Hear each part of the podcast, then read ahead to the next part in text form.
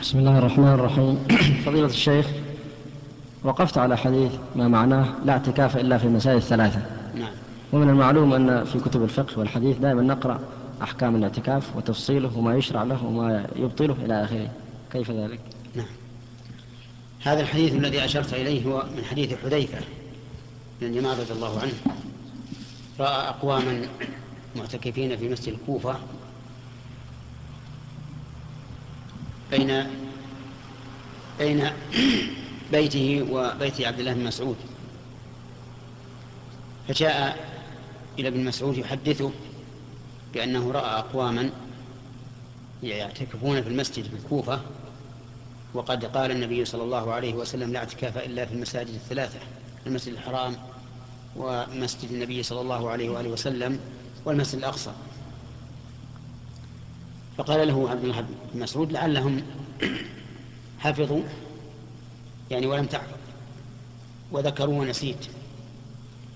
فكأنه ابن مسعود رضي الله عنه كأنه رجح فعلهم على فعل حذيفة أو على ما قاله حذيفة رضي الله عنه.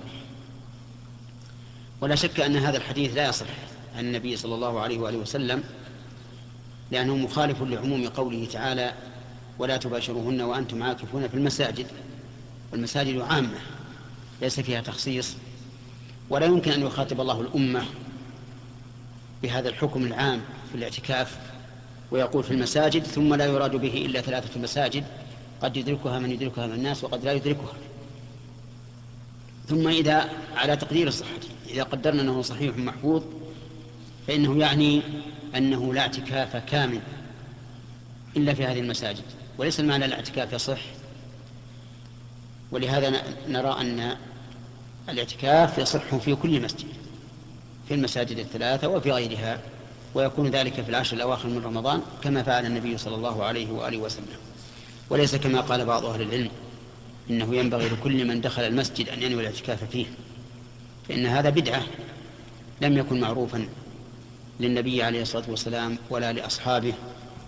ولو كان من الشرع لأرشد إليه النبي صلى الله عليه وآله وسلم بقوله وفعله.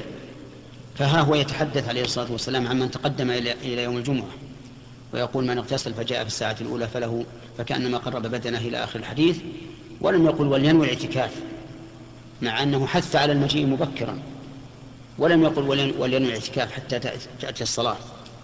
فالصواب أن الاعتكاف المشروع ما كان في العشر الأواخر كما كان رسول الله صلى الله عليه وسلم يفعل.